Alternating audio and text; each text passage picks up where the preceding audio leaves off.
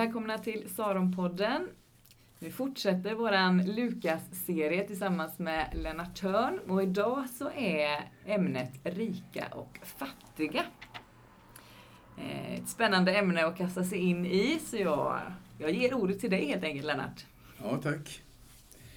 Eh, jag har ju antytt kanske, eller sagt rent ut, någon gång i någon, någon av poddarna att, att eh, syftet med Lukas evangeliet är att eh, Lukas vill skriva berättelsen om hur ordet eller förkunnelsen om Jesus Kristus som, som frälsaren och syndernas förlåtelse kom till eller blev till. Jag kallar boken för Ordets tillblivelse. När, när Lukas skriver sin, eh, sin berättelse så skriver han till en alldeles speciell situation, enligt min mening. Det är klart att jag har läst ut den situationen ur Lukas evangeliet och antar att jag har uppfattat det rätt. Jag tror att eh, Lukas läsare bestod av åtminstone två större grupper. Eh, en judekristen grupp och en hednakristen grupp. Och de två grupperna hade problem med varandra i den meningen att hur skulle de höra ihop och vem skulle styra gruppen? Från början var det nog så att de judekristna var i majoritet. Det var de som var ledare, det var de som satte eh, prägel på hela församlingens liv och beteende. Men med tiden så blev det allt fler hedna kristna. Och den hedna kristna gruppen blev kanske också, inte bara kanske, utan blev också med tiden, men kanske under, redan under Lukas tid, i majoritet. Och då man, ska man veta att de här grupperna var ju olika. Den hedna kristna gruppen hade ju sin bakgrund och sin kultur, sina erfarenheter och sin livsstil. Och har den naturligtvis med sig in i gemenskapen. Och det blir någon slags omskolning och omförhandling mellan de här grupperna. Så länge den judekristna gruppen var i majoritet så styrde de, eller bestämde de, så att säga, hur församlingen skulle leva och tro. Eh, när den hindakristna gruppen blev större och om man ska uttrycka sig sociologiskt, begärde inflytande och makt i församlingen så blev det naturligtvis problem för den judekristna gruppen som blev blev i minoritet. Och jag tror att eh, Lukas församling, eller Teofilus, Teofilos församling som sannolikt samlades i hans hem, eh, de hade det jobbigt eh, med varandra. Eh, och det jobbiga förstärktes av att Jerusalem hade gått under och att Jesus inte kom tillbaka. Alltså det fanns ett stort behov, och det har jag sagt i någon annan podd tror jag, det fanns ett jättestort behov av integration, av samhörighet, av gemenskap, att kunna leva med varandra trots historiens förändring och trots att Jesus ännu inte kommit, trots att Jerusalem gått under och, och eh, överhuvudtaget livet för det judiska folket hade förändrats. Man kan också tänka sig så här att att judekristna, som var i minoritet från början, var, var mer välbeställda än hedna kristna. Eh, det gäller särskilt Teofilus själv. Vi vet ju inte om han var judekristen. Han kan ha varit en gudfruktig hednakristen eh, och hade kommit upp sig i samhället. Han hade stort hus och kunde samla församlingen i sitt hem. Men det fanns också fler som var rika, som hade det bra ställt, Eh, och på dem ställer Lukas ganska stora krav genom sin berättelse om Jesus. För det är så att Lukas evangeliet har ganska många texter som mer eller mindre eh, handlar om rika och fattiga, eller om rika och deras eh, Eh, Eh, kraven på, på de, de rika lärjungarna eller välbeställda lärjungarna, men också texter om de fattiga. Och också texter om förhållandet mellan rika och fattiga, mellan välbeställda och socialt underlägsna, de marginaliserade i samhället. Eh, går man igenom Lukas vel så hittar man i varje fall ett tiotal texter. Och det är ganska många texter och de är väldigt tydliga i vissa fall. Eh, och då har man vanligtvis sagt att Lukas är väldigt intresserad av de fattiga och inriktad på de fattiga situation. Eh, jag är inte riktigt säker på att man ska beskriva det på det sättet. Man ska snarare beskriva det så att Lukas Jesus var evangelisten för de fattiga. Medan Lukas själv blir på något sätt pastorn, herden för de rika. Han vill få dem att leva som Jesus förkunnade och lärde och levde. Det vill säga leva för de fattiga. Eh, I Lukas församling, eller Teofos församling, så, så fanns det eh, många välbeställda som behövde ta konsekvenserna av sitt lärjungaskap och sin efterföljelse. Och därför så beskrivs å ena sidan Jesus som profeten för de fattiga. Det är ju så i Nasarets synagoga, när Jesus träder upp för första gången, att han, han talar ju på sånt sätt att det är de fattiga som står i fokus. Herrens ande över mig, till han har smort mig till att frambära glädjebud till de fattiga. Och det är likaså när Johannes döparen frågar, är du den som ska komma? Så svarar Jesus med att just hänvisa till att han är predikanten för de fattiga. Det står så här i en av verserna. Gå och berätta för Johannes vad ni hört och sett. Blinda ser, lama går, spetälska blir rena, döva hör, döda uppstår och fattiga får ett glädjebud. Och fattiga står sist här och det är retoriskt sett, där ligger betoningen. Jesus ger de fattiga ett glädjebud och det är viktigt för, för Lukas att betona detta. Och då ska man förstå att bakgrunden till denna betoning den kommer från Gamla Testamentet. Gud är de fattigas försvarare. Gud är de marginaliserades försvarare. Gud försvarar änkan, den, det faderlösa barnet, Eh, främlingen som eh, bor i landet och som egentligen inte har några rättigheter. Det säga, Gud är eh, domaren som försvarar den minste i samhället. Det är idealet.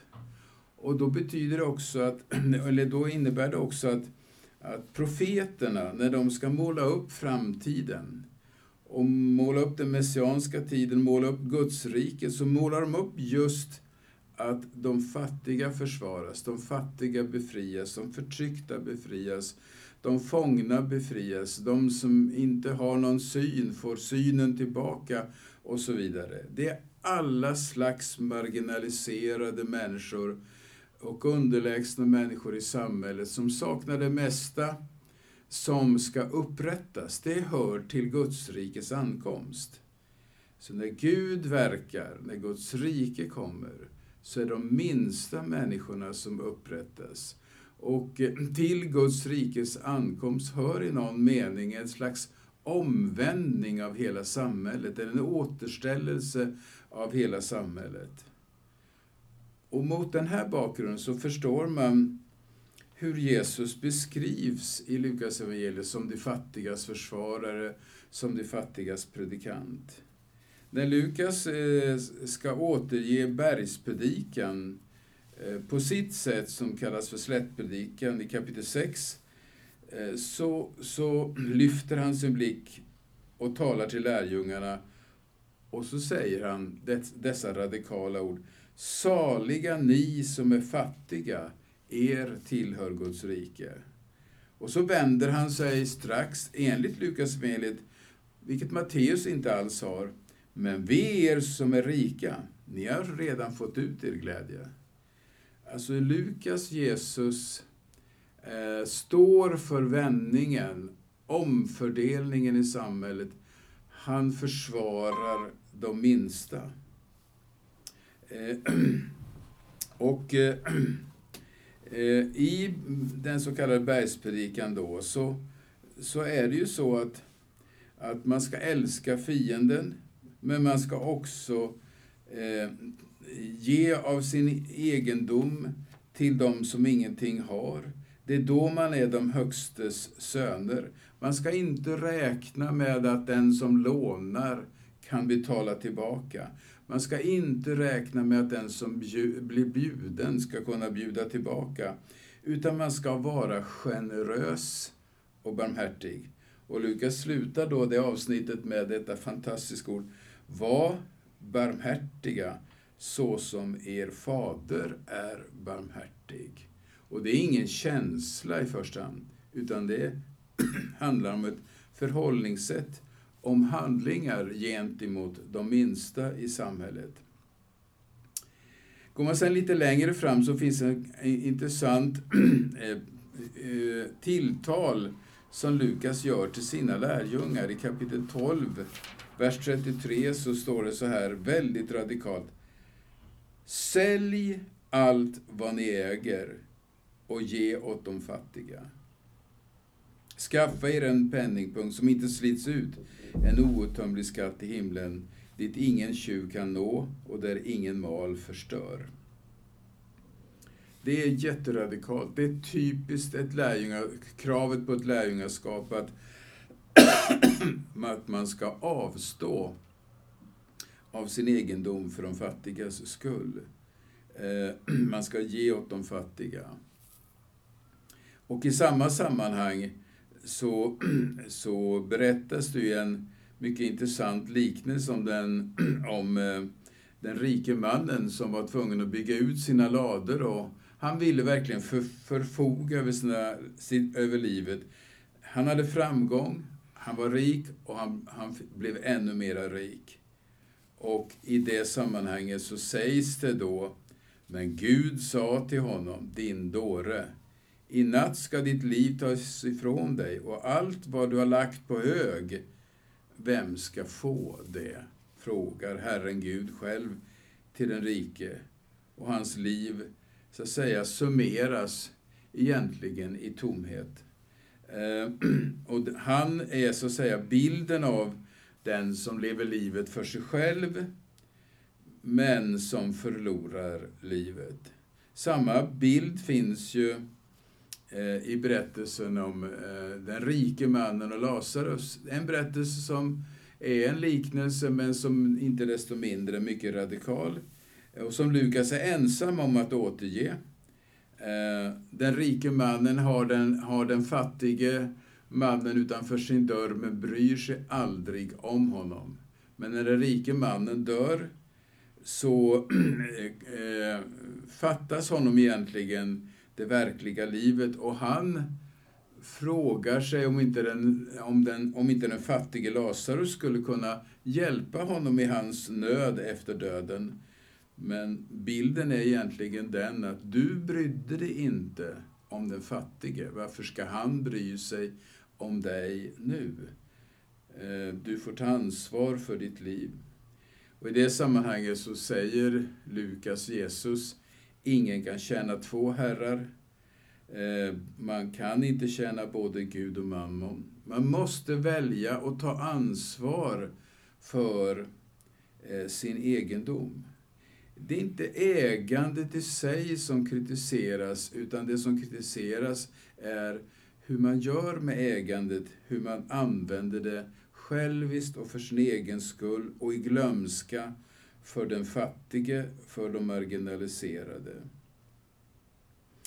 Eh, I hela den här berättelsen om, om rika och fattiga i Lukas evangeliet så slutar den berättelsen, som består av ganska många texter som jag varit inne på, så slutar den berättelsen med berättelsen om tullindrivaren Sackaios som på ett sätt hade blivit rik genom, genom korruption och genom missbruk och genom kanske förtryck och utnyttjande av andra.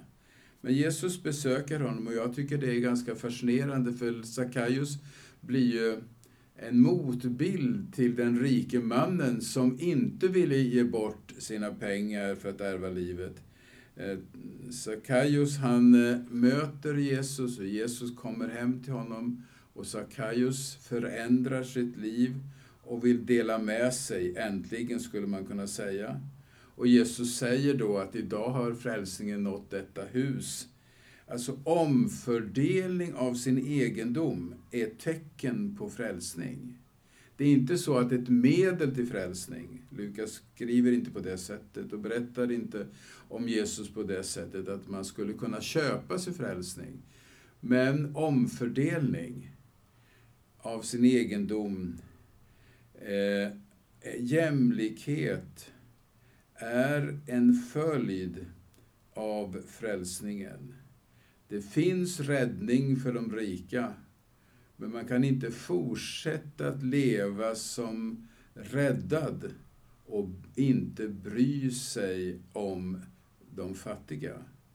Och därmed så kan man säga att budskapet i Lukasevangeliet på den här punkten är ytterligt radikalt.